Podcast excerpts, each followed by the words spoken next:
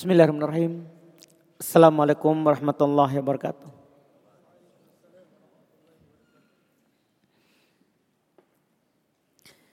Innal hamdalillah nahmaduhu wa nasta'inuhu wa nastaghfiruh wa na'udzu billahi min shururi anfusina wa min sayyiati a'malina.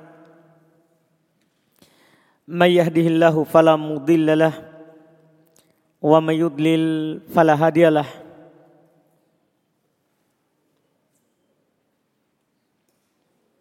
أشهد أن لا إله إلا الله وحده لا شريك له وأشهد أن محمدا عبده ورسوله صلى الله عليه وعلى آله وأصحابه ومن تبعهم بإحسان إلى يوم الدين أما بعد الإخوان والأخوات جماعة صلاة المغرب rahimani wa rahimakumullah. Alhamdulillah di malam hari ini kita melanjutkan majelis dengan mengkaji kitab Matan Abi Suja fil fikih Syafi'i, fikih praktis dalam madhab Syafi'i yang ditulis oleh Al-Qadi Abu Suja rahimahullahu taala. Kita di hari ini majelis ke-27. Dengan membaca kitab ini masih dalam kitabus sholah pembahasan seputar solat dan kita akan memasuki fasal yang belum sebutkan terkait dengan jumlah rokaat solat wajib. Kata penulis rahimahallahu taala faslun pasal wa raka'atus salawatil mafrudati sab'asyarata raka'atan.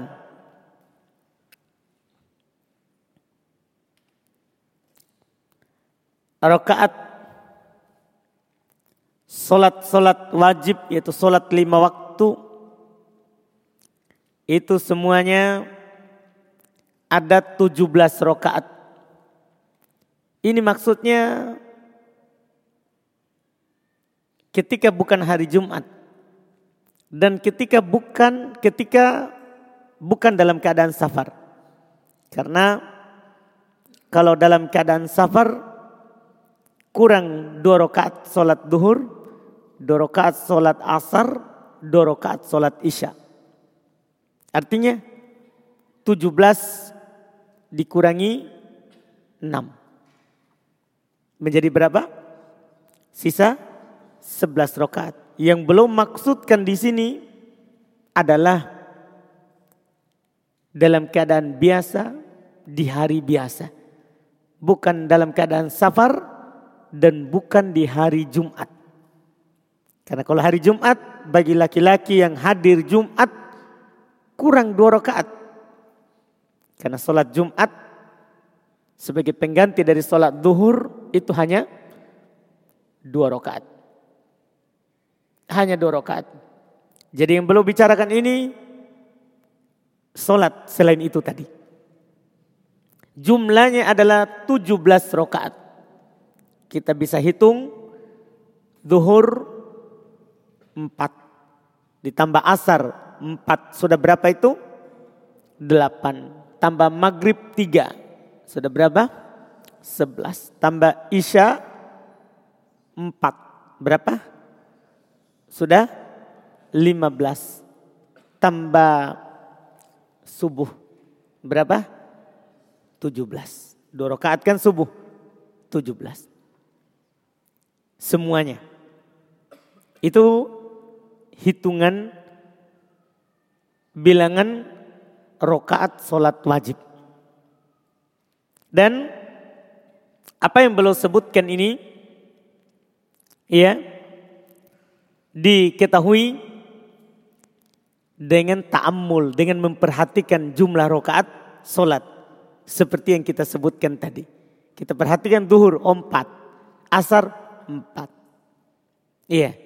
Tidak ada dalil yang Nabi langsung bilang rokaat sholat tujuh belas. Tidak ada. Iya, cuman diajarkan jumlah rokaat setiap sholat. Tidak ada langsung disimpulkan jumlah rokaat tujuh belas. Cuman kita katakan seperti ini dan beliau katakan rahimahullah seperti itu berdasarkan at-ta'ammul memperhatikan jumlah rokaat dalam sehari dan semalam sholat fardu. Iya. Dan para ulama rahimahumullah ta'ala ini hanya sekedar disebutkan. Karena tidak ada faedahnya yang besar untuk mengetahui jumlahnya itu. Misalnya dalam madhab syafi'iyah sendiri mereka katakan wala yatarattabu ala dzalika katsiru faidatin. Ini seperti yang dikatakan oleh sini Al-Imam Taqiyuddin Abu Bakar bin Muhammad Al-Husaini Ad-Dimashqi Asy-Syafi'i. Beliau katakan tidak terlalu banyak faedahnya mengetahui secara keseluruhan ini jumlah rakaat 17. Karena ini tidak ada pahala yang diikutkan kalau kita tahu jumlah semuanya 17. Ada pahala itu kalau kita sholat duhur, sholat asar, maghrib, isya, subuh. Di waktunya. Itu yang paling penting. Karena Nabi SAW pernah ditanya terkait dengan hal tersebut. Amalan apa yang paling dicintai oleh Allah Subhanahu wa taala? Dalam hadis Abdullah bin Mas'ud, beliau yang bertanya, Nabi SAW katakan as-salatu fi waktiha. Kamu sholat pada waktunya. Nah, itu baru pahala. Itu dicintai oleh Allah Subhanahu wa taala. Adapun mengetahui jumlah semuanya 17 tidak terlalu banyak faedahnya. Karena itu tidak ada nas yang menjelaskan langsung hal tersebut. Ini ditahu dengan memperhatikan jumlah rokaat dalam setiap sholat. Kemudian beliau tambahkan faedah lain terkait dengan solat lima waktu. Kata beliau man ajaza anil qiyami fil faridati jalisa. Siapa yang tidak mampu untuk berdiri di solat wajib maka boleh dia solat duduk.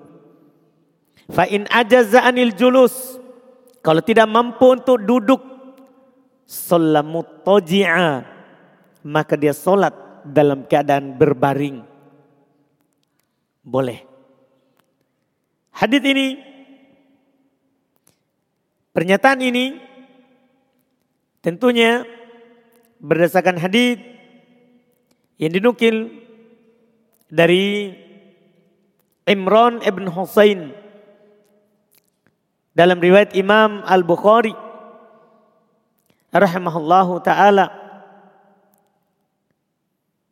Nabi SAW pernah berkata kepadanya, Soli ima. Kamu solatlah dalam keadaan berdiri. Fa illam tastati faqa'ida. Kalau tidak mampu maka boleh kamu duduk. Fa illam tastati fa'ala jambin. Kalau tidak mampu maka kamu berbaring. Maka kamu berbaring dan telah lewat bersama kita hukum sholat dalam keadaan berdiri ketika mampu itu rukun sholat. Atau disebut juga dengan syarat sholat. Karena dia dihitung sebelum melakukan sholat. Disebut dengan syarat. Ada juga yang memasukkannya ke dalam rukun. Al-Muhim mau dibilang syarat ataupun rukun ini hal yang membuat sholat kita tidak sah kalau kita tidak lakukan.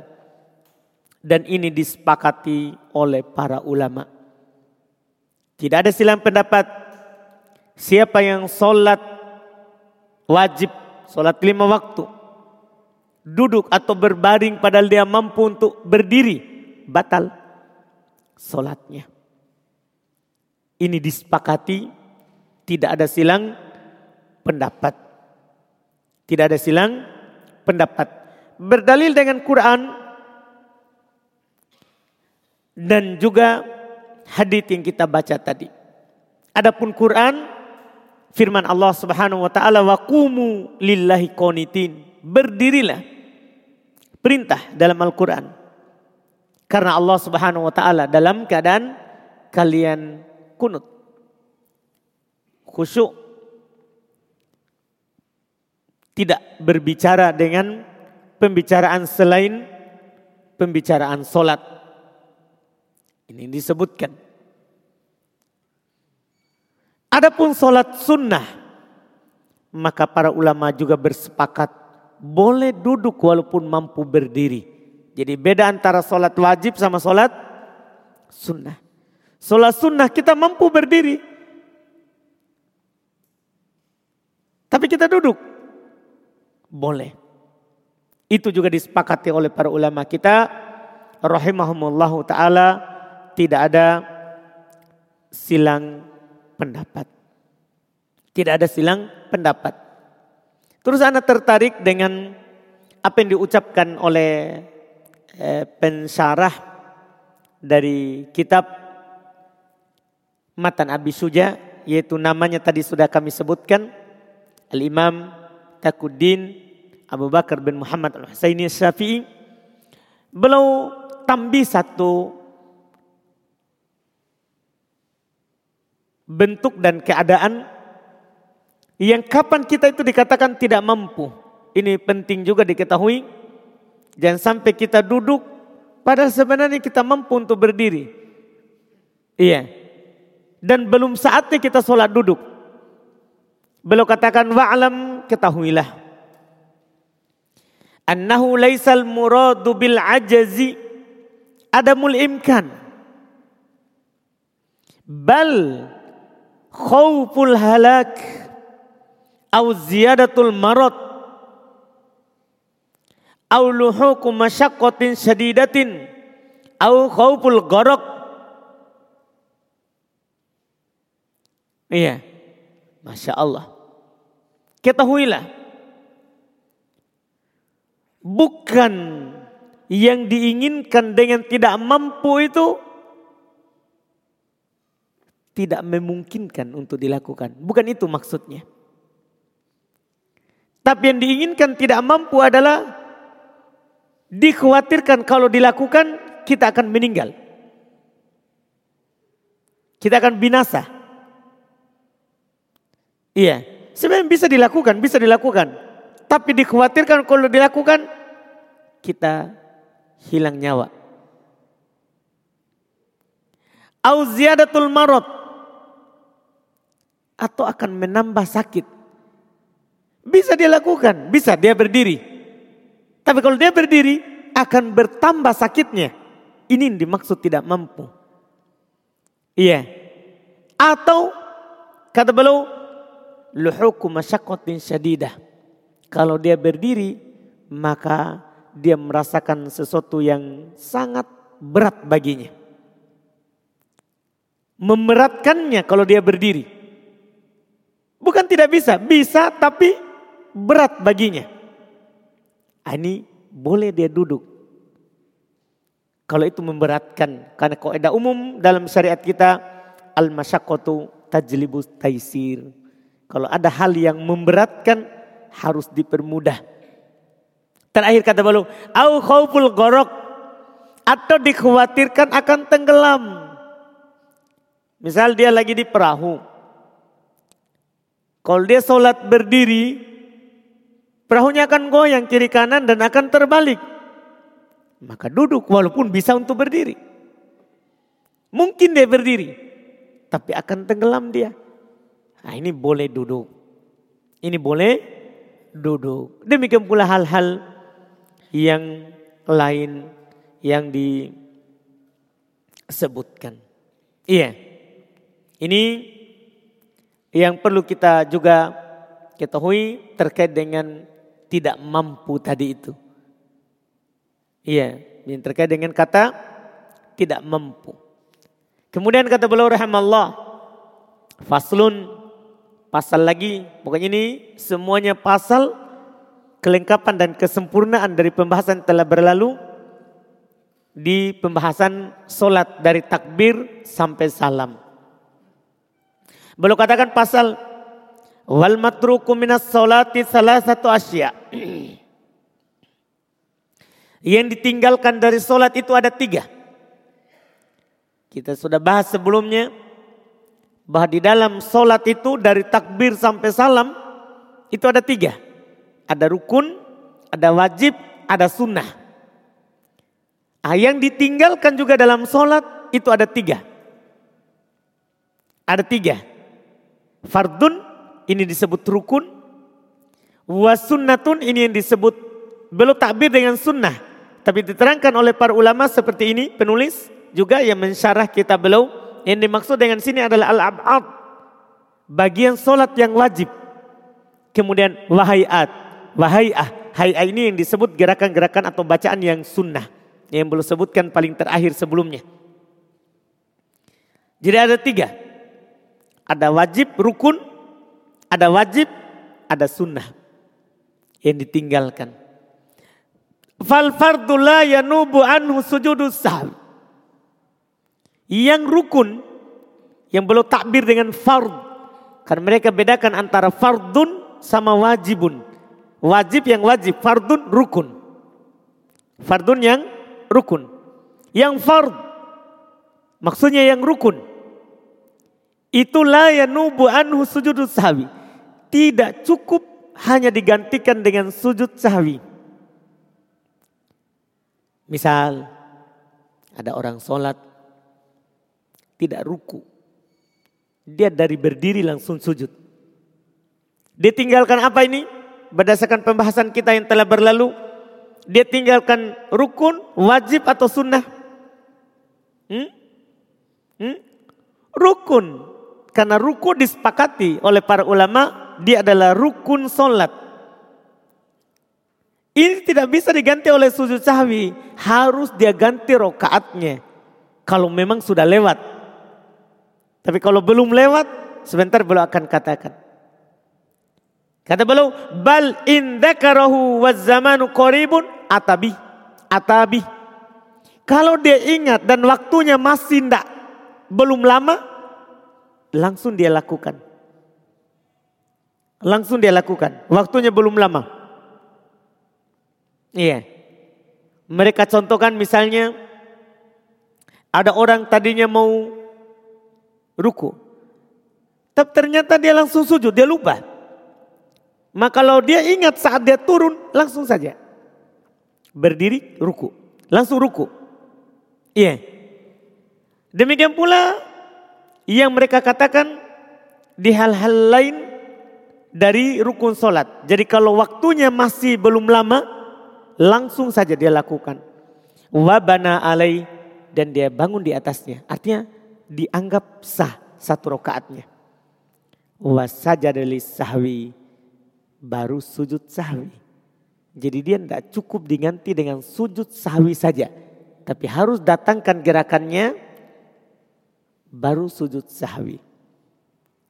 Dipahami dari ucapan penulis kalau waktunya sudah lama. Sudah lama. Maka tidak boleh membangun di atasnya. Bahkan anggap kurang. Anggap kurang. Iya. Yeah. Ini disebutkan. Misalnya tadi dia mau ruku ternyata sujud. Sudah dibawa, sudah sujud. Ini tidak boleh lagi dia bangun ke ruku. Karena itu akan tambah gerakan. Akan tambah apa? Gerakan. Dia ganti satu rokaat. Karena tidak ada sholat tanpa ruku. Tidak ada rokaat tanpa ruku. Sebagaimana juga ada orang. Dia sholat Allahu Akbar. Dia hanya baca surat setelah Al-Fatihah. Setelah itu ruku. Allahu Akbar. Saat sudah ruku baru dia ingat ternyata tidak baca Al-Fatihah. Dia tidak perlu bangkit baca Al-Fatihah berruku lagi, enggak. Dia langsung saja sholat tetap, nanti ganti satu rokaat. Ganti satu rokaat. Jadi dia biarkan. Sholatnya nanti dia tambah lagi satu rokaat. Karena rokaat tanpa Al-Fatihah tidak dianggap rokaat. Tidak dianggap satu rokaat. Demikian pula hal-hal yang rukun yang lain. Contoh misalnya, ini contoh ketiga. Ada orang sholat, berdiri, ruku, bangkit dari ruku, sujud. Satu kali saja. Dia sujud satu kali, langsung Allahu Akbar berdiri. Tidak sujud satu kali. Kalau masih bungkuk badannya, Allah masih bungkuk badannya. Maka langsung dia kembali. Duduk antara dua sujud, baru sujud. Baru sujud. Tapi kalau sudah tegak, berdiri, tidak boleh dia turun sujud lagi. Tidak boleh. Sebagaimana nanti juga kalau dia lupa yang wajib, seperti itu juga. Seperti orang lupa tasahud awal. Kalau dia masih berdiri, Allahu Akbar, belum belum lurus. Boleh dia langsung turun. Tapi kalau sudah lurus, tidak boleh. Dia lanjut dan nanti kalau yang wajib beda dengan yang rukun. Kalau yang wajib tidak perlu didatangkan lagi. Cukup sujud sahwi. Tapi ini pembahasan kita sekarang yang rukun. Yang rukun. Jadi terbagi dua keadaan. Kalau waktunya belum lama, boleh langsung. Tapi kalau waktunya sudah lama, maka dia datangkan baru sujud sahwi baru sujud sahwi. Ini dikatakan oleh penulis rahimahullah taala wal masnun dan yang sunnah ini yang maksudnya sunnah tadi al al, al abad yang wajib. Karena belum bedakan dengan hayah. Sebentar. Yang wajib. La yaudu ilaih. Tidak perlu dia kembali kepadanya. Ba'da talabbusi bi goirihi. Setelah dia sudah melakukan yang lain. Nah, ini anak bilang tadi. Ada orang sudah dua rakaat solatnya. Dia bangkit dari sujud kedua. Allahu Akbar ternyata langsung berdiri. Kalau dia sudah berdiri tegak. Dia sudah masuk dalam baca Al-Fatihah. Sudah berdiri tegak. Tidak kembali kepadanya. Ini faedah. Dia tidak perlu kembali kepadanya. Iya. Jadi cukup dia lanjut berdiri, baca Al-Fatihah, lanjut. Berdiri, semuanya sampai salam. Lakinnahu yasjudu lil sahwi. Akan tetapi dia tinggal sujud-sujud sahwi. Jadi bedakan. Rukun harus didatangkan gerakannya sujud sahwi. Wajib tidak perlu didatangkan ulang itu langsung sujud sahwi. Ini faedah penting sekali bagi kita yang sholat. Karena kita tidak luput dari yang namanya lupa.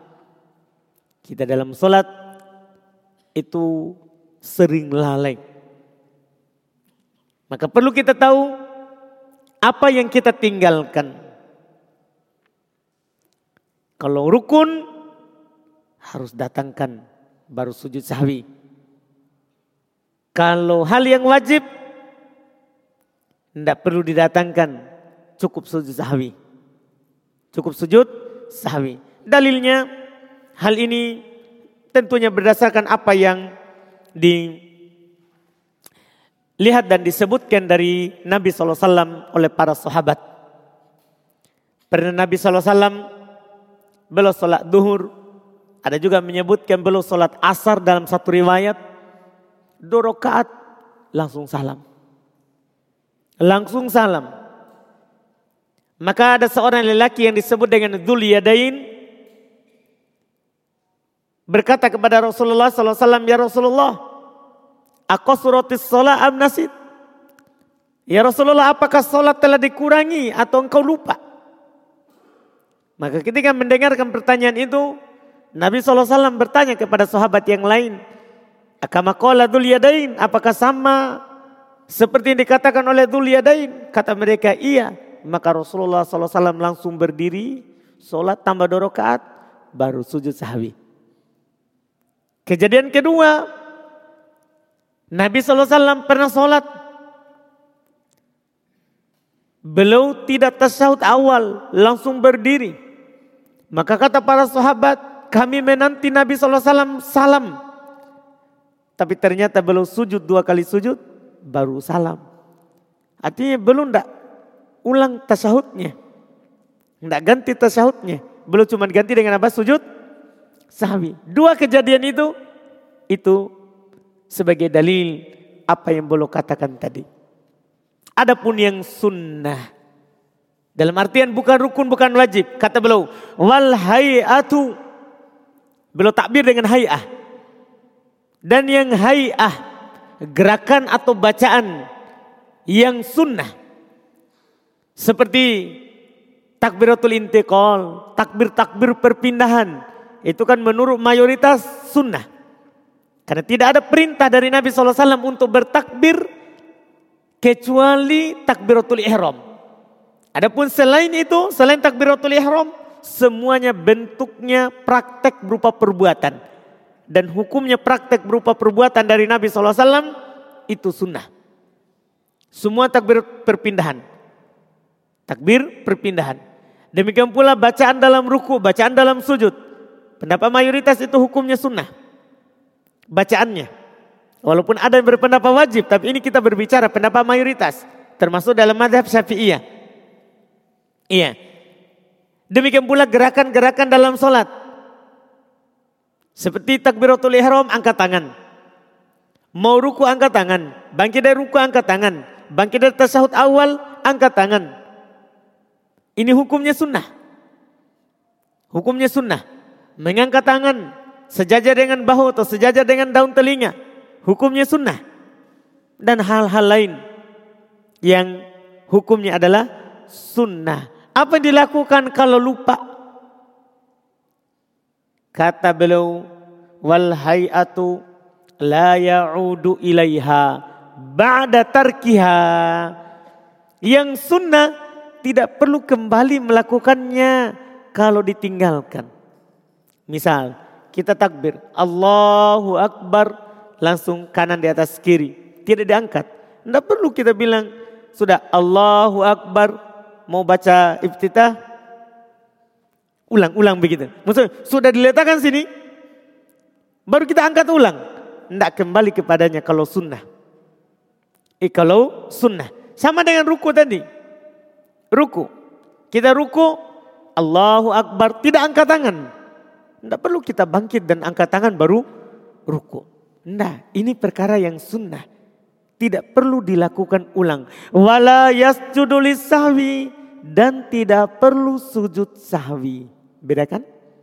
Wajib, eh, rukun, wajib, sunnah. Dua diganti dengan sujud sahwi. Cuman beda caranya. Satunya tidak sujud sahwi dan tidak perlu kembali. Ini ilmu penting sekali. Rincian kapan sujud sahwi. Iya. Jawabannya ketika meninggalkan yang rukun atau yang wajib. Adapun yang meninggalkan sunnah tidak. Adapun yang meninggalkan sunnah tidak sujud sahwi. Adapun di mana tempatnya maka para ulama kita rahimahumullah taala sebenarnya di mereka menyebutkan pada sujud sahwi itu boleh dilakukan sebelum salam dan boleh dilakukan setelah salam dan mereka membahas mana yang paling utama. Maka mereka merinci. Kalau mengurangi maka hukumnya sebelum salam. Sunnahnya begitu. Kalau menambah sunnahnya setelah salam. Mungkin dipahami? Kalau ragu sunnahnya sebelum salam. Kalau yakin sunnahnya setelah salam. Itu kesimpulan. Dalam sujud sahwi. Walaupun boleh kita sujud sebelum salam dan boleh setelah salam. Tapi mana yang paling utama? Itu rinciannya. Kalau kita menambah gerakan setelah salam. Kalau kita mengurangi tadinya. Misalnya asalnya tasahud awal. Kita kurangi tidak tidak tasahud. Maka sebelum salam. Kalau menambah. Sudah rokaat keempat. Kita bangkit untuk rokaat kelima. Diucapkan subhanallah. Kita berduduk kembali. Itu kan namanya menambah. Maka setelah salam. Setelah salam. Ini terkait dengan ya tempat atau saat atau waktu dari sujud sahwi. Kemudian beliau berkata terkait dengan hal tersebut karena belum menyinggung satu masalah saja. Wa idza syakka fi adadi ma atabihi minar rakaat. Kalau dia ragu, ragu. Ini salah satu tempat tadi, kan empat tadi. Menambah, mengurangi, yakin, ragu. Belum sebutkan sekarang, ragu. Wa idza syakka. Apabila orang solat itu ragu fi adadi ma atabihi minar tentang jumlah rakaat yang dia telah lakukan. Bana alal yakin maka dia bangun di atas yang yakin saja. Ini sudah tiga atau empat. Sudah, yakinnya apa? Kan begitu. Bangun di atas yang yakin. Kalau dia ragu, bangun saja di atas yang yakin berapa? Wayas judulahu sujud sahwi qabla salam.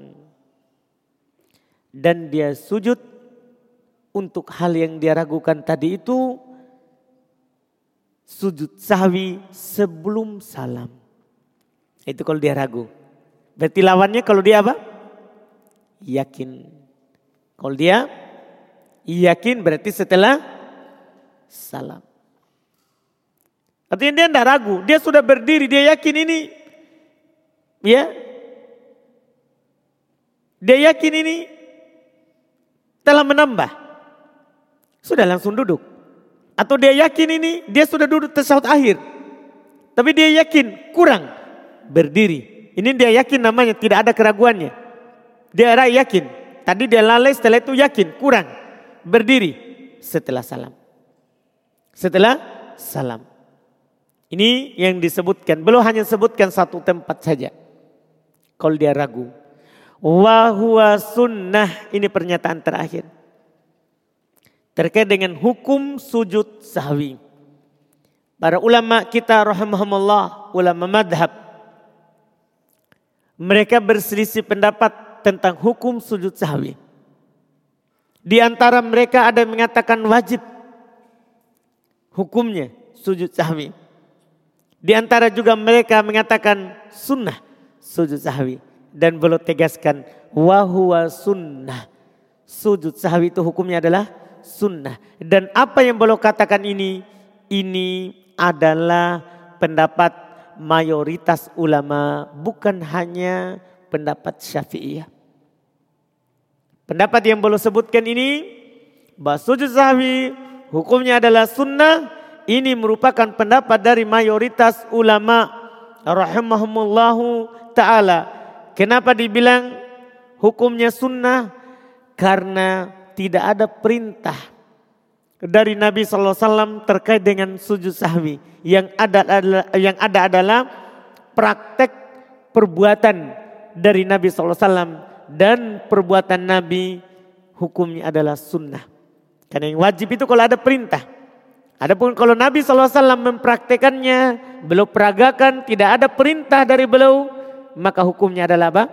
Sunnah. Dan ini pendapat mayoritas ulama dan seperti itu memang yang kuatnya. Seperti itu yang kuatnya terkait dengan hukum sujud sahwi. Hukum sujud sahwi. Kemudian berikut yang kata beliau rahmallah faslun pasal lagi wa satu auqatin la yusalla fiha illa solatu laha sabab. Belum membahas waktu-waktu terlarang. Sudah lewat di awal kitabus sholah. Belum membahas waktu-waktu sholat. Belum sebutkan waktu duhur ketika matahari tergelincir. Itu matahari naik dari arah timur. Di atas kepala kita tidak ada bayangan benda, setelah itu bayangan bendanya muncul ke arah timur. Artinya matahari telah tergelincir. Masuk waktu duhur. Masuk waktu duhur. Sampai kapan? Sampai bayangan benda sama dengan bendanya. ditambah fai, ditambah bayangan sedikit, maka masuk waktu asar. Masuk waktu asar. Setelah itu sampai terbenam matahari, habis waktu asar maka masuk waktu maghrib. Dan kita sudah jelaskan waktu asar terbagi dua. Ada waktu ikhtiar, pilihan dan ada waktu daru, darurat. Itu sudah lewat pembahasannya bersama kita. Terbenam matahari. Bulatan matahari itu hilang di atas permukaan laut. Masuk waktu maghrib. Sampai kapan? Sampai hilang cahaya atau warna merah ya di ufuk barat. Kapan itu hilang? Maka habis waktu maghrib. Masuk waktu isya. Sampai kapan? Sampai subuh. Kapan terbit fajar? Mas, keluar waktu isya, masuk waktu subuh. Dan kita juga telah jelaskan waktu isya ada dua. Ada waktu ikhtiar, waktu pilihan dan ada waktu daru, darurat. Sudah lewat. Alhamdulillah di majelis-majelis terkait dengan kitab sholat di awal-awal. Iya. Ini waktu masuk waktu subuh. Waktu subuh dari terbit fajar sampai matahari terbenam. Eh, terbit, afwan, sampai matahari terbit. Dan kita sudah jelaskan juga waktu subuh ada dua.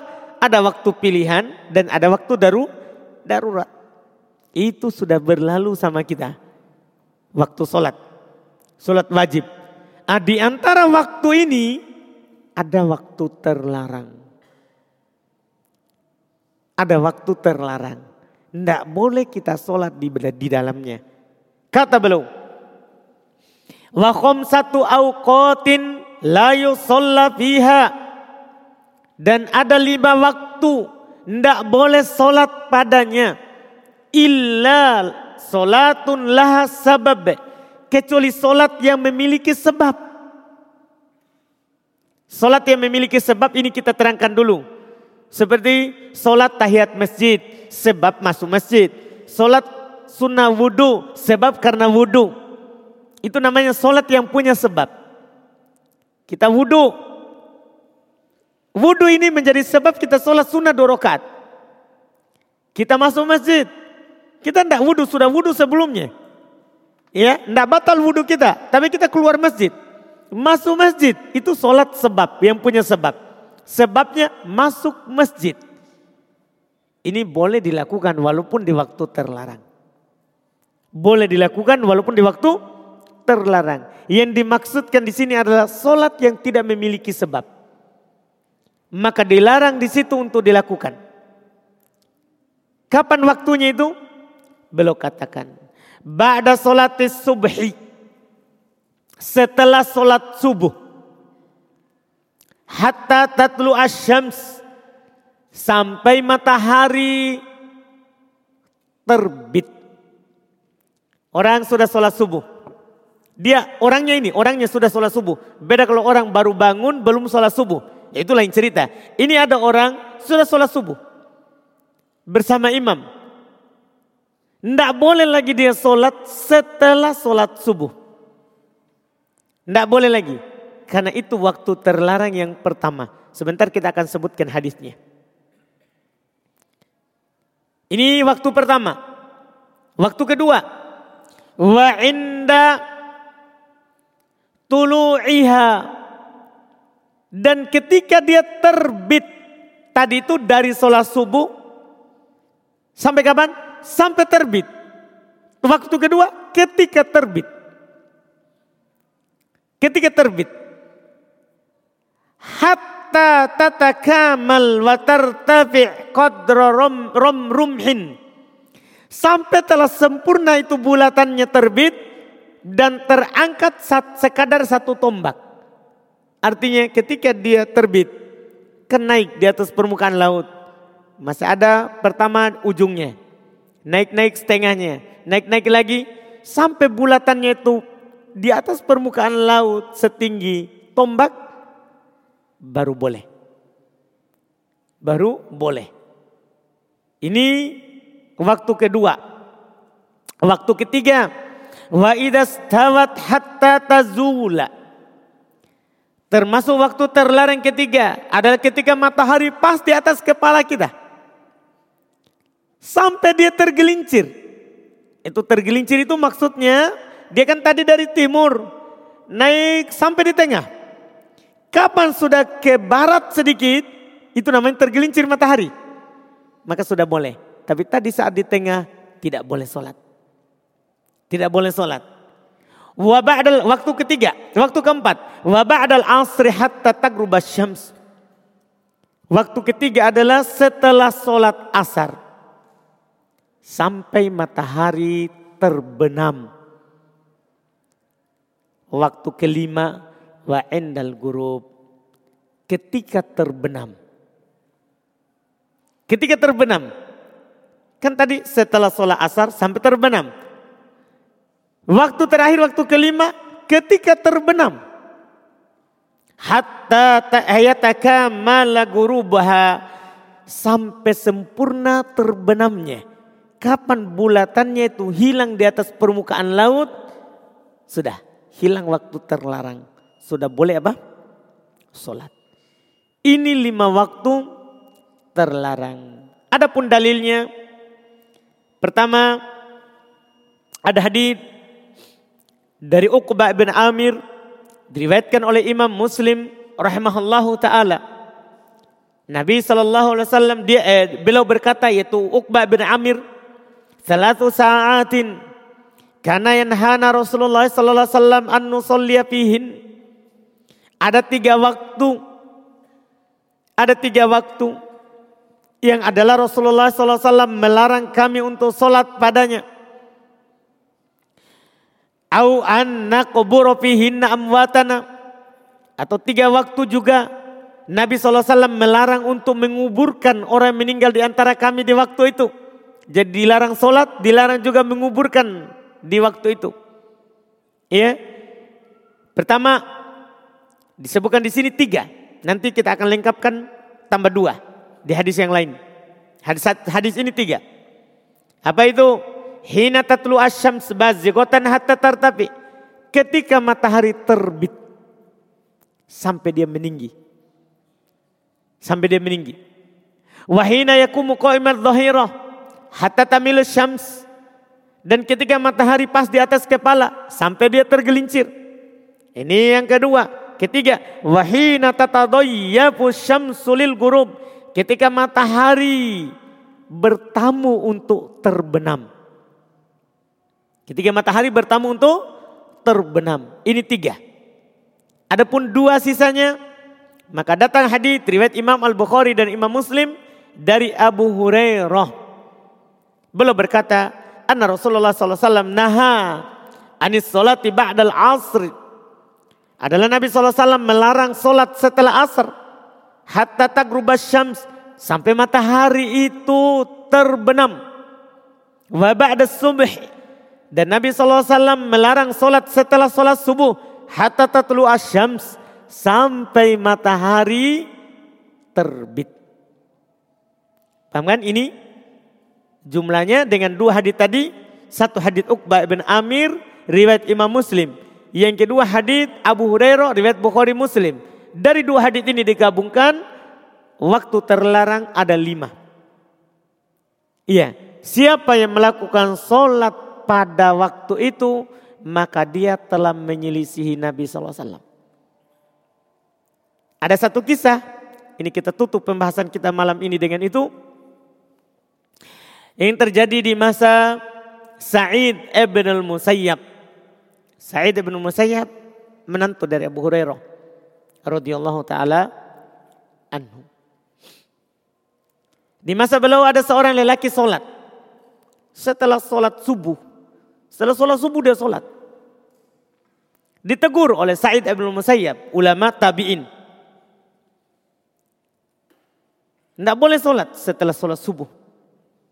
Maka orang itu berkata, apakah Allah akan mengadab saya karena saya sholat? Yang sholat bagus. Sholat ibadah. Apakah Allah akan menyiksa saya? Ayu azibani Allahu bisolati. Apakah Allah subhanahu wa ta'ala akan mengadab saya karena saya solat? Kata Sa'id bin Musayyab, tidak. Allah tidak akan mengadabmu karena kamu solat. Tapi Allah akan mengadabmu karena kamu menyelisihi Nabi. Jadi ya sholat bagus, baik. Nah, tapi kalau kita selisih Nabi, kita akan diadab dengan itu. Karena perbuatan itu bukan hanya sekedar pakai perasaan, kan bagus orang sholat. Seperti sebagian orang bilang, daripada main domino saja, lebih baik tahlilan. Ya cocok. Iya. Daripada Kan begitu kalau kita pikir begitu. Cuman kalau kita pikir tahlilan Nabi tidak contohkan, lebih baik main domino. Karena kalau main domino kita sadar ini salah. Tahlilan kita tidak sadar kalau itu salah. Bahkan kadang kita sandarkan kepada apa? Syariat. Bukan berarti kita katakan main domino saja. Nah, ini perbandingan. Mana yang lebih besar dosanya? Menyelisih Nabi menambah syariat atau berbuat dosa yang lain. Iya, tentunya menyelisih Nabi itu dosanya lebih besar daripada dosa yang biasa. Daripada dosa yang biasa. Oleh karena itu, ibadah itu bukan dengan perasaan. Kalau kita sudah diterangkan ada lima waktu-waktu terlarang, ya kita tidak boleh lakukan. Kita tidak boleh lakukan. Kita tahu hikmahnya atau tidak? Kita tahu hikmahnya atau tidak? Itu karena ketaatan kita kepada Allah Subhanahu wa taala dan juga ketaatan kita kepada Rasul Muhammad sallallahu alaihi wa ala alihi wasallam. Kita adzan dulu baru kita tanya jawab. Bismillah. Assalamualaikum warahmatullahi wabarakatuh. Jazakumullah khairan kathiran Ustaz atas kesempatannya dan begitu pula untuk para panitia juga. Uh, pertanyaan Ustaz uh, mengenai tadi uh, hukum sujud sal, uh, sujud sahwi. Di situ kan hukumnya Ustaz mayoritas pendapat ulama mengatakan sunnah. Nah, bisa agak dipahamkan Ustaz mengenai hukum sunnahnya karena jangan sampai kayak tadi dikatakan bahwa jika rukunnya lupa dia wajib ganti dan sujud sahwi. Bagaimana kalau dia bilang, eh saya tidak usah sujud sahwi dia karena sunnah saja. Atau misalnya dia lakukan yang wajib, tidak dia apa kan dia lanjutkan saja, tapi di situ diharuskan sujud sahwi. Tapi dia berpendapat ah sunnah, tidak usah karena sunnah saja. Jadi saya tidak usah lakukan, eh sudah malas mi, jangan mi. Bagaimana Ustaz? Jazakallah khairan katsiran. Baik. Jadi eh, kita bilang tadi itu belum katakan eh, bukan wajib sujud sahwinya di awal itu. Masalahnya wajib menambah gerakan maksudnya menggantinya atau tidak. Bukan sujud sahwinya. Kalau sujud sahwinya kan sunnah. Apakah dia kembali gerakannya atau tidak? Kalau yang rukun kembali, wajib. Kalau yang wajib tidak kembali. Paham kan? Cukup sujud sahwi. Cukup sujud sahwi. Jadi hukum sujud sahwinya sunnah. Kan sunnah. Tidak masalah hukumnya. Cuman dia tidak dapat pahala sunnah. Artinya ketika kita bilang sujud sahwi itu adalah sunnah pendapat mayoritas. Berarti kalau dia lakukan dia dapat pahala. Tapi kalau dia tinggalkan berarti tidak berdosa. Ya kan? Kalau dia tinggalkan tidak berdosa. Itu hukumnya. Kemudian berikutnya sini di kertas. Apakah makmum ikut sujud sahwi bersama imam ketika imam lupa jumlah rokaat? Iya, Ketika seorang menjadi makmum, maka dia sujud sahwi bersama imam. Bersama imam. Ini berlaku umum.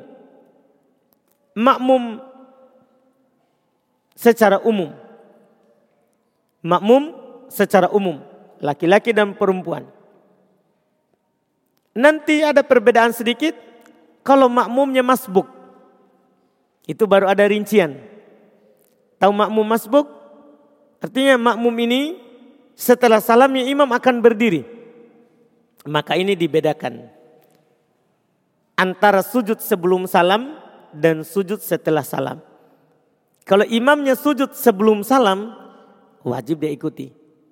Biar masbuk. Kalau imamnya sujud setelah salam, tadi sebelum. wajib dia ikut. Kalau setelah salam, imam salam, boleh dia berdiri. Dia tidak sujud sahwi. Dia tidak sujud sahwi. Karena sudah putus hubungannya dengan imam. Dengan imam. Sebagian kejadian di awam yang kita dapatkan, yang kita jumpai. Katanya, saya kan sudah bilang subhanallah. Berarti saya tidak perlu sujud sahwi. Saya kan sudah ingatkan. Tidak, itu umum. Mau kita sudah ingatkan atau tidak. Ya, sunnah sujud sahwi orang. Kalau imam sujud sahwi. Kalau imam sujud sahwi. Biar kita tidak lupa. Yang lupa cuma imam. Kita tidak lupa. Sunnah sujud sahwi. Sunnah sujud sahwi. Karena para sahabat ketika Nabi SAW lupa. Maka Nabi sujud dan mereka juga ikut sujud. Mereka juga ikut sujud. Itu umum.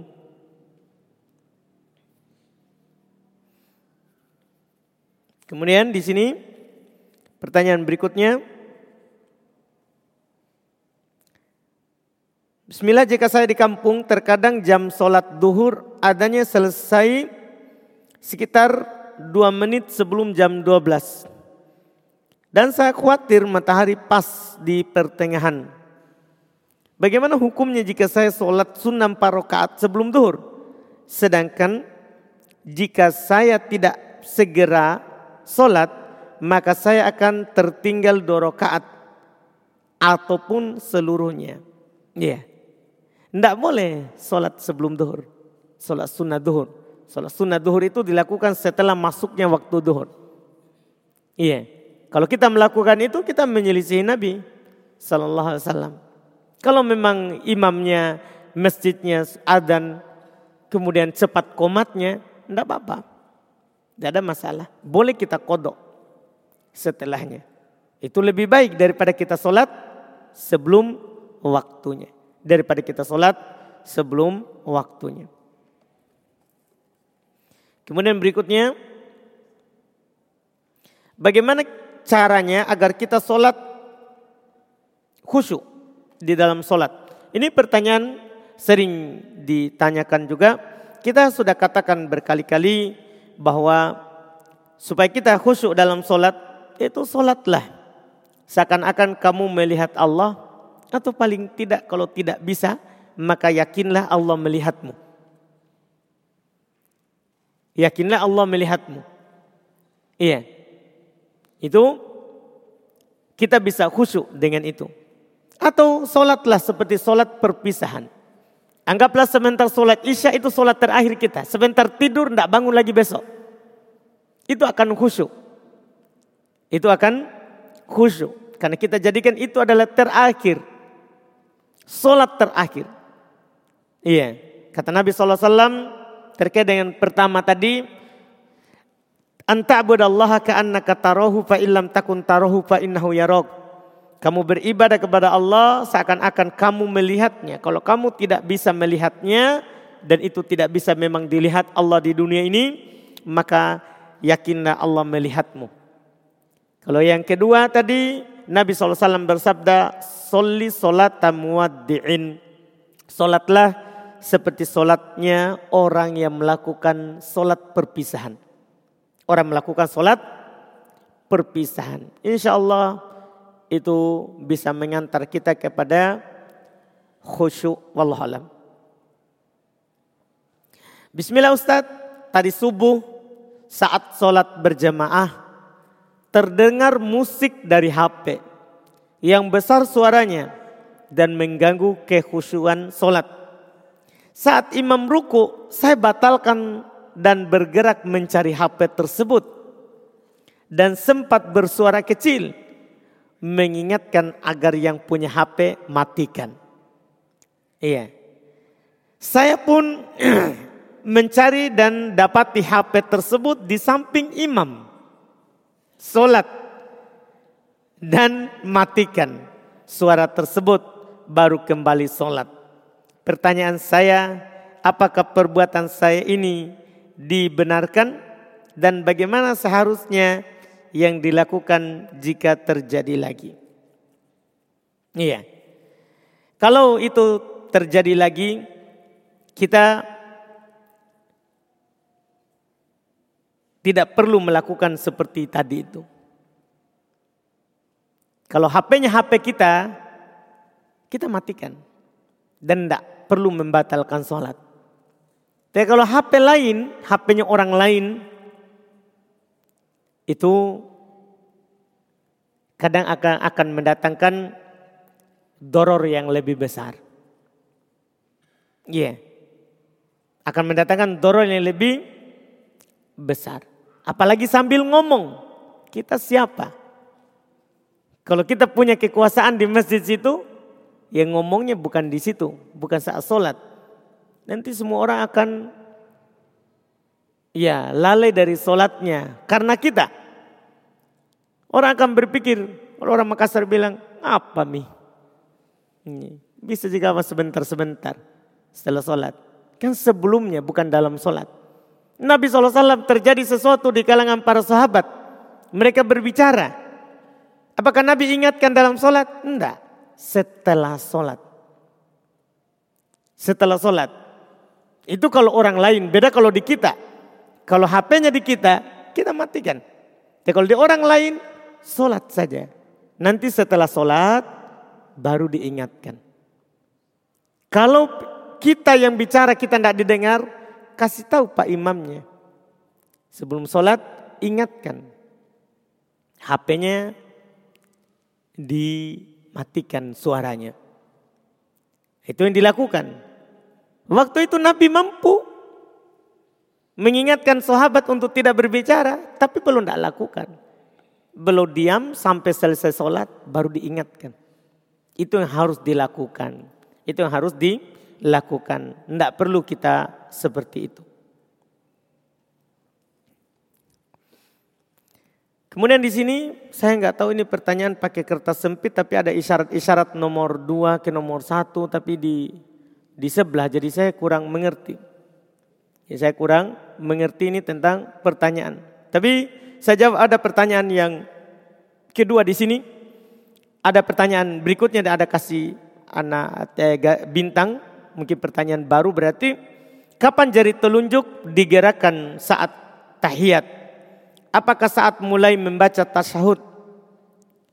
Atau saat membaca syahadat? Ini saat membaca syahadat. Itu pertanyaannya. Mulai diangkat saat membaca tasyahud. Saat bertasyahud. Bukan bersyahadat. Bedakan saat bertasyahud artinya saat bertahiyat bukan di saat bersyahadat. Ini datang dalam banyak hadis terkait dengan hal tersebut. Misalnya ada hadis dari Nabi SAW, dari sahabat Nabi SAW datang dari banyak periwayatan. Di antaranya disebutkan karena Rasulullah SAW idza jalasa fit tasyahudi adalah Nabi SAW apabila beliau duduk dalam tasyahud. Apabila beliau duduk dalam tasyahud. Iya. Ini pernyataan awalnya. Apabila Nabi duduk dalam tasyahud. Wadu ayadahul yumna ala fakidihil yumna. Wa yadahul yusro ala fakidihil yusro. Wa asyaro bis sababah. Perhatikan hadithnya. Nabi SAW meletakkan kanan di atas kanan. Kiri di atas kiri. Dan belum menunjuk dengan jari telunjuk. Kapan itu semua? Perhatikan judul awal karena ida jala sapit tasyahud adalah Nabi apabila duduk bertasyahud belum sudah berisyarat. Adapun berisyarat saat bersyahadat tidak ada dalilnya. Dikatakan dalam madhab syafi'iyah seperti Ibnu Sabbaq rahimahullah belum berkata tidak ada dalil yang jelas nyata kuat dalam hal tersebut. Tidak ada. Bahkan yang ada dalil yang menyelisihinya. Sebagian mereka hanya berdalil dengan ucapan fit tasyahud. Mereka terjemahkan ber, dalam syahadat. Bukan, ini dalam tahiyat. Bukan dalam syahadat. Wallahualam.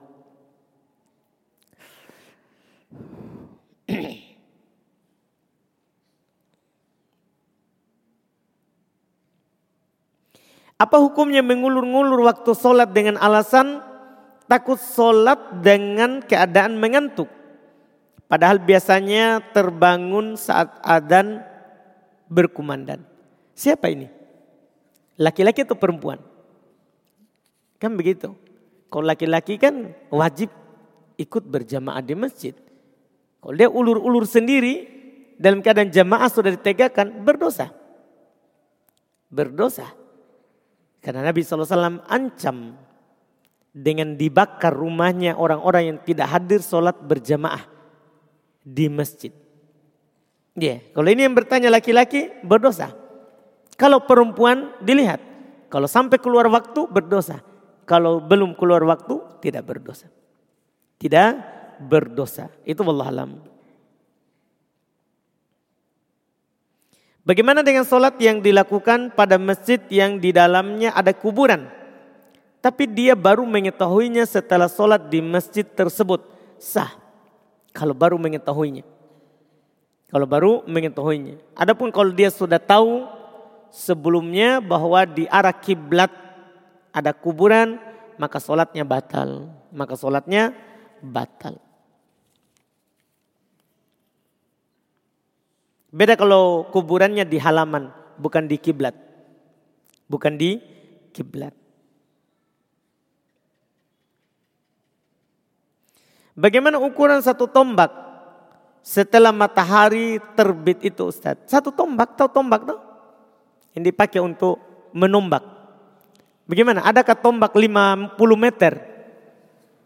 Namanya tombak itu kan pendek saja. Paling tinggi 2 meter. Biasa 1 meter setengah. Yang dipakai menombak. Iya.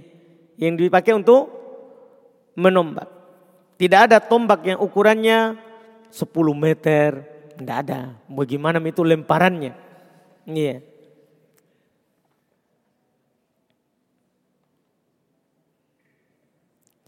Apa hukum menjual novel atau buku fiksi yang di dalamnya ada gambar ilustrasi dan atau perkataan-perkataan mengandung kesyirikan? Haram, haram. Mengandung kesyirikan, haram. Iya, menjualnya. Haram menjualnya. Demikian pula di sini dalamnya cerita fiksi saja atau gambar ilustrasi semuanya diharamkan. Semuanya diharamkan. Masih banyak buku lain yang bisa dijual.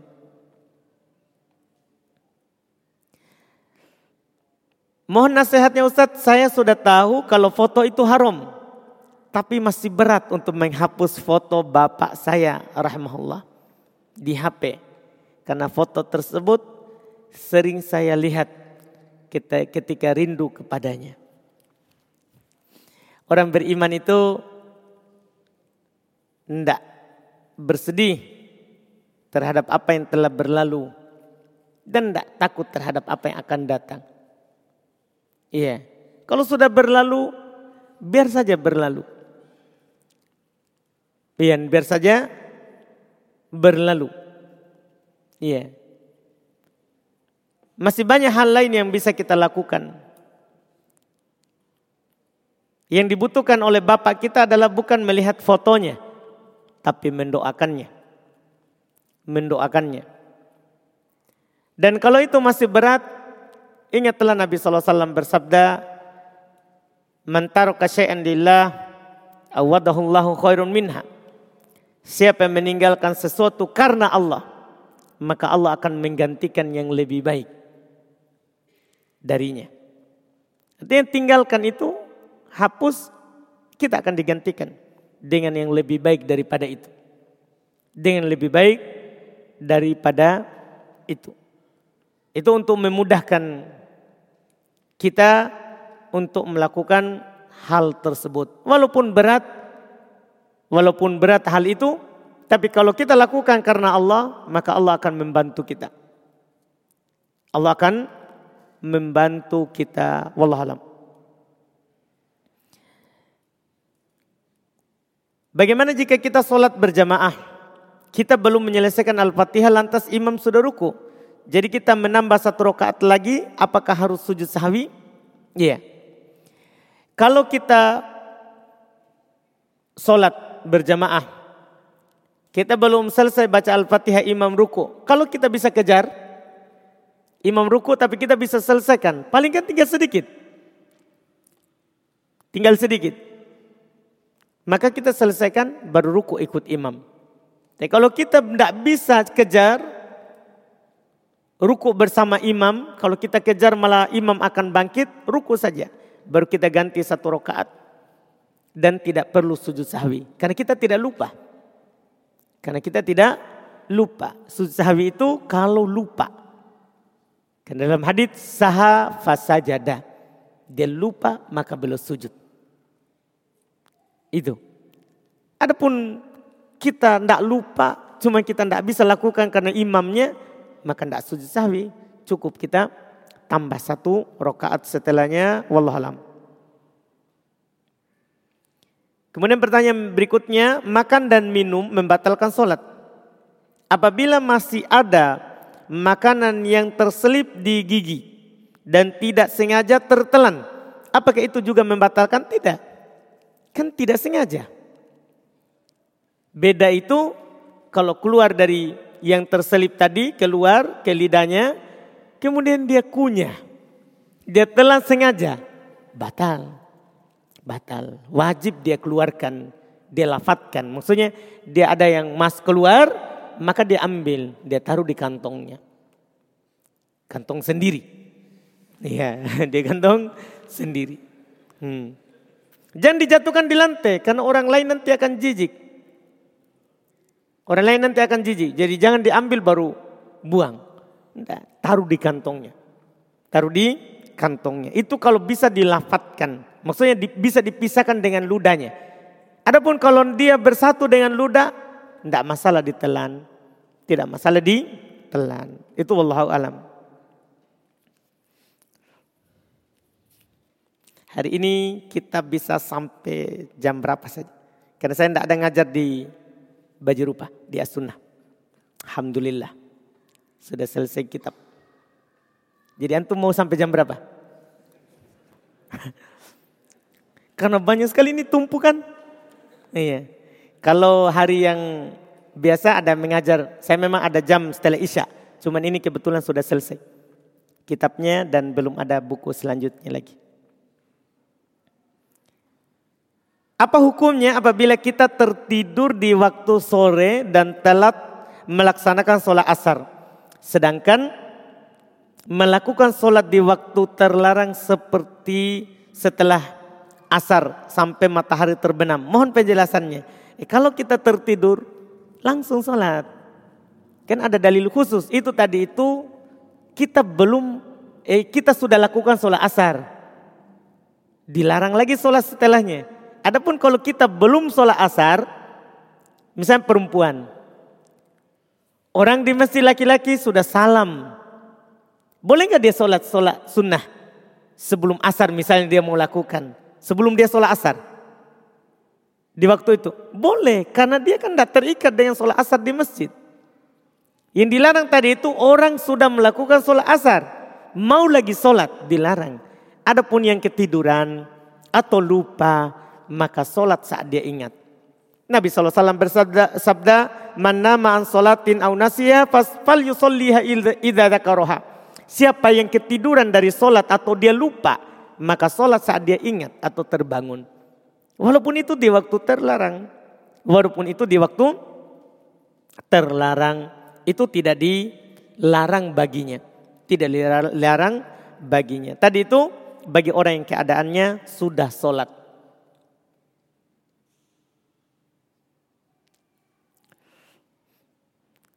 Boleh dirin, apa Ustaz? Boleh dirincikan lagi bedanya antara masuknya dan batas sholat maghrib dengan waktu terlarang sholat yang nomor lima.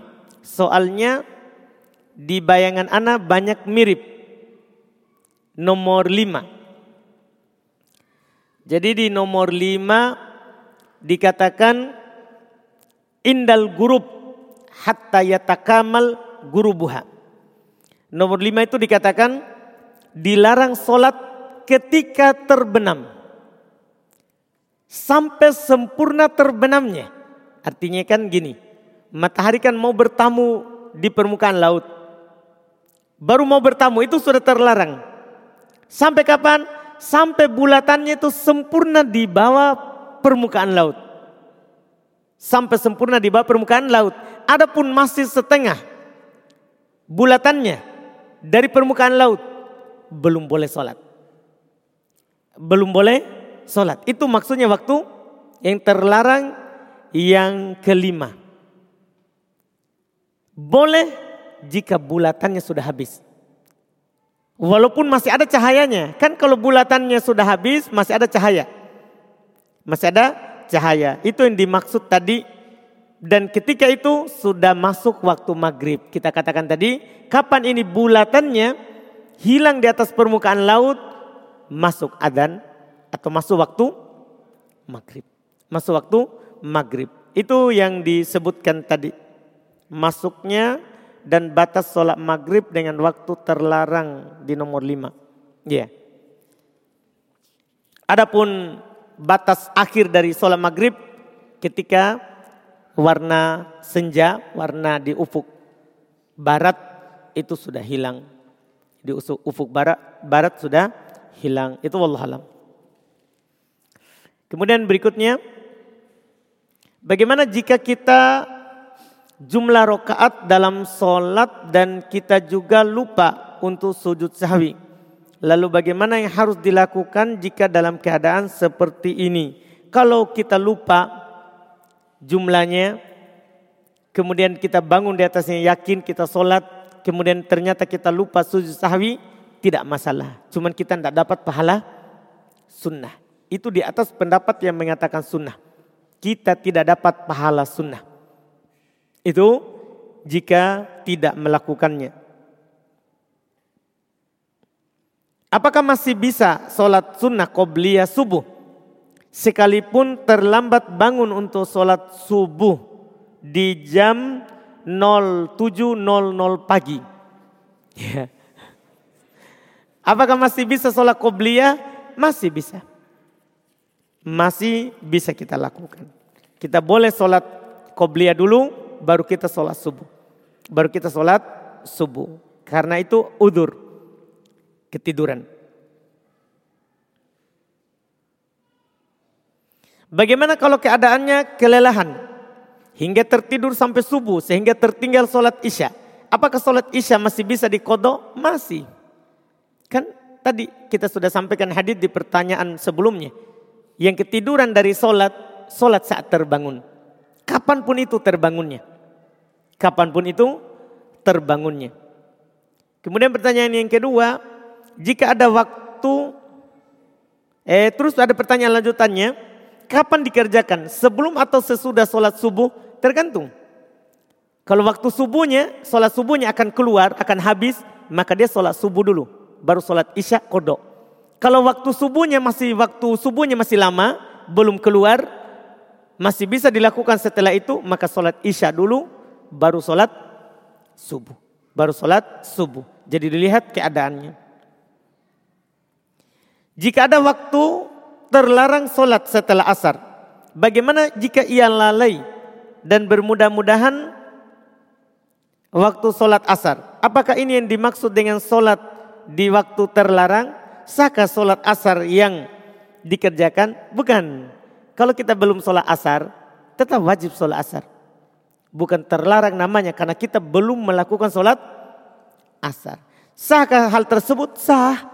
Cuman berdosa orang mengulur-ngulur sholat sampai keluar waktu atau sampai mendekati waktu darurat. Yang kita jelaskan di pertemuan-pertemuan sebelumnya. Boleh seorang itu mengulur sholat. Ini perempuan ya yang bertanya ini akhwat. Selama dalam waktu pilihan. Adapun dia mengulurnya sampai waktu darurat, dia berdosa. Karena waktu darurat itu untuk orang-orang yang memiliki udur. Yang baru suci dari haid, suci dari nifas, baru terbangun, tersadar dari pingsannya. Itu yang dimaafkan. Adapun orang-orang yang tidak punya udur, berdosa kalau diakhirkan sholat sampai waktu darurat. Sampai waktu darurat. Itu wallahualam. Bagaimana jika ada yang ingin sholat tobat.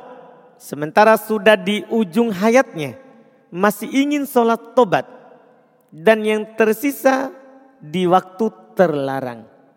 Ya, ya sholat saja. Tidak apa-apa. Iya, walaupun itu di waktu terlarang. Walaupun itu di waktu terlarang. Walaupun kita katakan tidak wajib dia sholat. Cukup dia bertobat saja. Dia menyesali apa yang telah berlalu. Beristighfar kepada Allah subhanahu wa ta'ala. Dan sunnah hukumnya sholat tobat. Sunnah hukumnya sholat tobat. Walaupun waktunya terlarang. Kan ini di akhir hayatnya. Dan kalau dia gunakan untuk bertobat dan berbanyak la ilaha illallah. Itu lebih utama kalau di akhir hayat. Karena ada dalil dari Nabi SAW. Man kana akhir kalamihi la ilaha illallah dakhalal jannah. Siapa yang akhir ucapannya adalah la ilaha illallah. Maka dia akan masuk surga. Apa hukumnya menggunakan celengan miniatur Ka'bah? Sebaiknya tidak dilakukan. Banyak celengan yang lain. Banyak celengan yang lain. Kan tidak harus bentuk Ka'bah baru kita bisa menabung. Baru kita bisa menabung. Kita lepas dari perkara-perkara yang subhat itu lebih bagus, lebih aman. Wallahualam. Apakah perjalanan dari Makassar Takala termasuk safar? Eh sudah lewat ini. Iya. Nanti bertanya lagi kalau mau ke Takalar.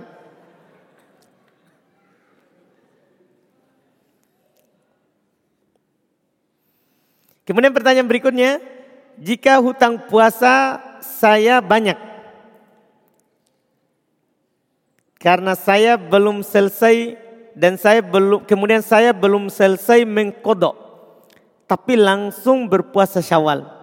Apakah boleh? Dan apakah masih mendapatkan keutamaan seperti dalam hadis? Seperti berpuasa setahun atau harus menyempurnakan dulu puasa Ramadan? Iya.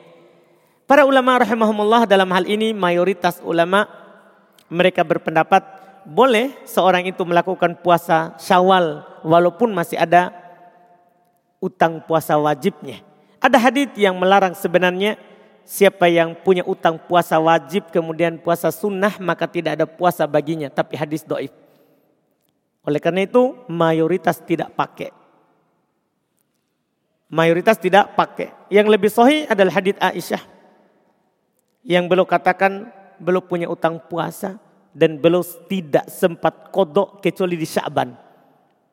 Apakah mungkin Aisyah tidak puasa sunnah sebelum itu? Tidak puasa Muharram? Kan jauh kemungkinan itu. Jauh kemungkinan itu. Apalagi kata mayoritas waktu kodok puasa Ramadan itu muasa. Waktunya luas. Dari Syawal sampai Syaban. Maka tentunya boleh dia puasa syawal walaupun belum kodok puasa Ramadan dan masuk dalam keutamaan. Masuk dalam keutamaan. Wallahualam.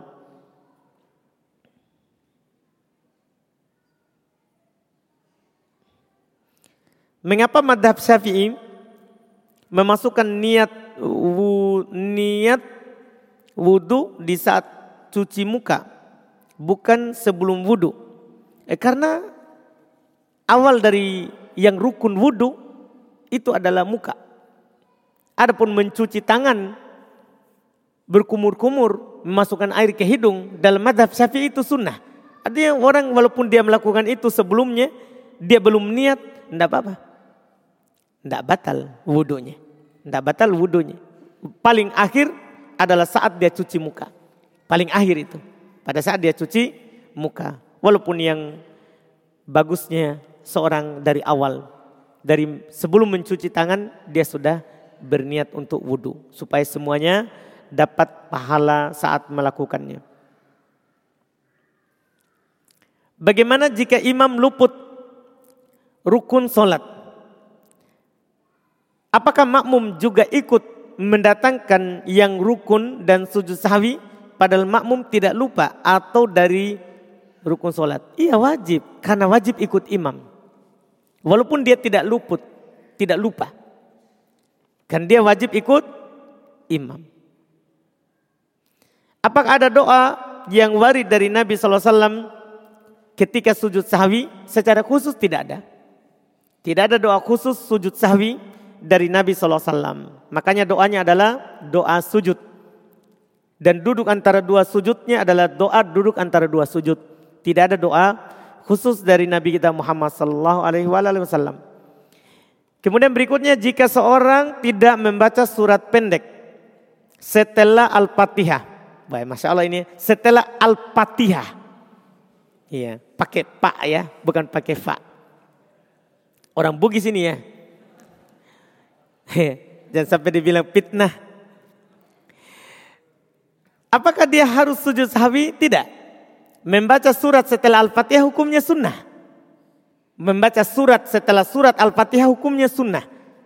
Tidak dia tidak perlu dia sujud sahwi. Kan sudah kita katakan tadi, yang sunnah tidak. Jika seorang tidak sujud sahwi sedangkan dia lupa akan rukun, apakah solatnya sah? Sah. Solatnya sah.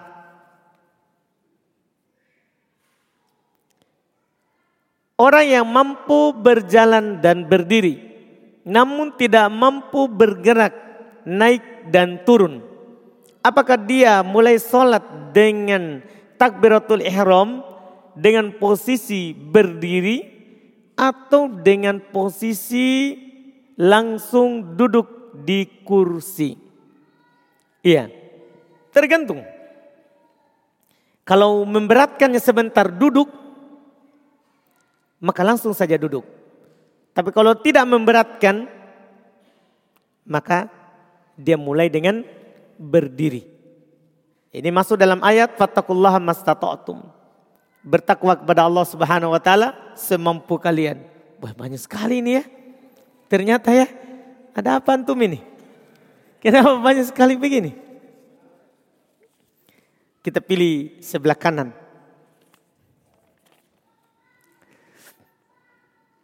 Apa hukumnya menggunakan stiker WA seperti ini mi andalanku? iya. Ini mi panutanku.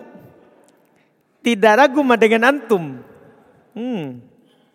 Apakah bisa digunakan atau eh, jauhkan kata-kata tersebut dari jauhkah kata-kata tersebut dari kesyirikan? Iya. Ini mi andalanku ini mi panutanku. Wallahualam. Tidak tahu.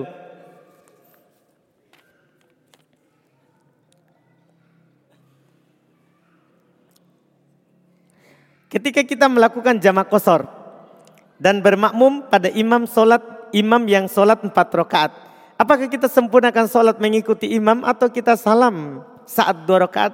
Wajib kita ikuti imam. Ketika sholat kita sebagai musafir, berimam ke mukim, wajib ikut mukim. Nabi SAW bersabda, Inna maju ilal imam li bih. Imam itu dijadikan supaya diikuti. Artinya kita mau jadikan dia imam, berarti kita ikuti. Kita ikuti. Jadi kita sholat empat rakaat ikut imam, salam, salam juga bersama imam, baru nanti kita bangkit. Untuk sholat asar jamak kosor atau isya juga jamak kosor seperti itu. Setelahnya. Iya setelahnya. Nah, beda kalau keadaannya terbalik. Ini juga harus dipahami supaya kita tidak kaget. Artinya kita musafir datang makmum di belakang mukim. Apakah dia ikut imam? Tidak. Tidak boleh ikut imam. Setelah imam salam di dua rakaat wajib dia berdiri karena dia masbuk terhitungnya. Karena dia masbuk terhitungnya kurang rokaatnya. Itu Allah alam. Ketika seseorang tidak mampu berdiri maka dia sholat duduk. Bagaimana hukum sholatnya jika dia duduk pakai kursi? Ruku dan sujudnya dengan isyarat padahal dia mampu sujud. Salah. Wajib dia duduk di bawah dan sujud. Wajib dia duduk di bawah dan sujud. Kalau mampu sujud. Iya. Tidak boleh dia duduk di kursi. Wajib dia duduk di bawah. Supaya nanti dia sujud. Eh dia ruku. Dia apa? Iya betul. Supaya nanti dia sujud. Iya. Wallah alam.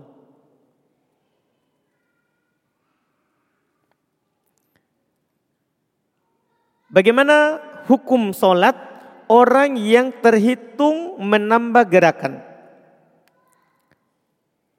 Misalnya, seperti yang dijelaskan tadi, belum ruku tapi sudah, sudah sujud dan dia kembali ruku. Ya, salah hukum solatnya. Kalau dia sengaja batal solatnya. Tapi kalau kebodohannya dia lakukan itu karena kebodohannya dimaafkan karena bodoh. Diajarkan bahwa nanti kalau begitu tidak perlu kita kembali. Diajarkan. Dimaafkan karena bodoh.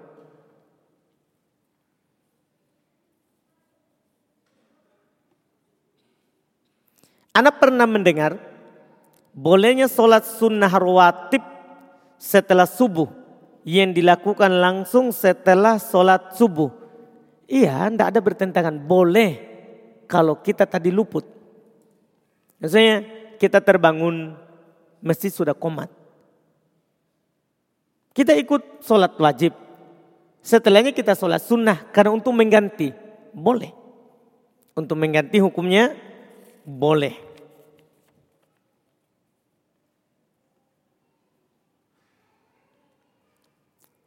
Di sini pertanyaan berikutnya. Sisa dua ya. Kita pilih sebelah kanan ya. Nanti ini sudah jam 8. Lewat satu. Jika kita mendapati imam sudah ruku pada rakaat pertama, lalu kita bertakbiratul ihram, lalu ikut ruku. Apakah itu terhitung satu rakaat atau harus menambah setelah imam salam? Berselisih para ulama rahimahumullah dalam hal tersebut. Perselisihan yang ketat terkait dengan itu, apakah dia dapat satu rakaat atau tidak. Ketika dapat ruku. Mayoritas ahli fikih selain Imam Syafi'i mereka katakan tidak dapat. Mereka berdalil dengan hadis Ubadah bin Somit, riwayat Imam Al-Bukhari dan Imam Muslim. Yaitu Nabi SAW bersabda, La solat lima lam yakro bi fatihatil kitab. Tidak ada solat bagi orang yang tidak baca Al-Fatihah. Ini kan orang dapat ruku, langsung ruku. Tidak ada apa-apa, tidak baca Al-Fatihah. Tidak ada solat baginya. Artinya tidak ada rokaat. Ini dalil mereka, hadis yang disebutkan. Sementara Imam Syafi'i dan mayoritas ahli hadis Imam Syafi'i dan mayoritas ahli hadis mereka katakan dapat satu rakaat. Mereka berdalil dengan hadis khusus, kejadian khusus, sahih dari Nabi SAW, dari Abu Bakroh radhiyallahu taala anhu, dia menceritakan tentang dirinya. Dia datang ke masjid Nabi SAW sudah ruku, sudah ruku. Akhirnya dia masuk pintu, ya masuk pintu, Langsung dia ruku di pintu. Sambil jalan ke sof. Dia ruku dan sambil jalan ke sof. Setelah sholat kata Nabi SAW, Zadakallah hirsan wala ta'ud. Semoga Allah menambah semangatmu tapi jangan kamu ulangi. Kata mereka, Nabi cuma mengatakan semoga Allah menambah semangatmu. Nabi tidak katakan tambah rokaatnya. Ini menunjukkan dia dapat satu rokaat. Dan juga ngapain dia tergesa-gesa ruku sampai di pintu. Kalau tidak dapat. Perbuatan sahabat ini ini menunjukkan biasanya dapat. Orang yang dapat ruku. Adapun kata Nabi tadi wala ta'ud bukan dilarang seperti itu. Bukan dilarang. Jangan ulangi maksudnya jangan ulangi kamu anggap dapat kalau ruku. Enggak. Maksudnya jangan ulangi seperti itu.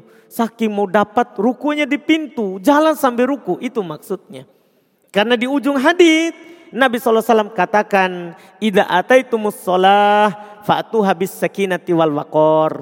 Kalau kamu mendatangi sholat, datangi dengan tenang. Tidak perlu tergesa-gesa. Wa ma adroktum fasollu wa ma fatakum fa'atimu. Apa yang kamu dapati, langsung sholat. Dan apa yang kamu luput, sempurnakan. Ini dalil dari Imam Syafi'i dan ini wallahu alam yang lebih kuat. Ini dikuatkan oleh Syekh bin Utsaimin dan yang lainnya. Dan yang lainnya dapat hukumnya. Karena memang dalil hadis ubadah itu dalil umum. Tidak ada solat bagi orang yang tidak baca Al-Fatihah. Sementara dalil dari hadis Abi Bakro itu dalil khusus. khusus dapat ruku dianggap dapat dengan dalil khusus, eh, khusus, khusus. Adapun ada orang mendapati imamnya lagi berdiri. Kemudian dia takbir, Allahu Akbar. Setelah itu imam ruku. Tidak dapat, kan dia dapat berdiri. Ini kan kasusnya kalau dia dapat ruku. Walaupun yang saya baca terakhir dari pendapat dari Imam eh, Ibn Uthaymin rahmahullahu taala rahmatan wasi'ah belum anggap juga dapat. Belum anggap juga apa? Dapat. Karena dia dapat ruku. Karena dia dapat ruku. Cuman untuk hati-hati kalau dapat berdiri tidak dianggap dapat. Karena memang kejadian-kejadian khusus. Itu wallahu alam. Kita cukupkan karena masih banyak sekali kalau diikuti ini akan jam 10 sepertinya.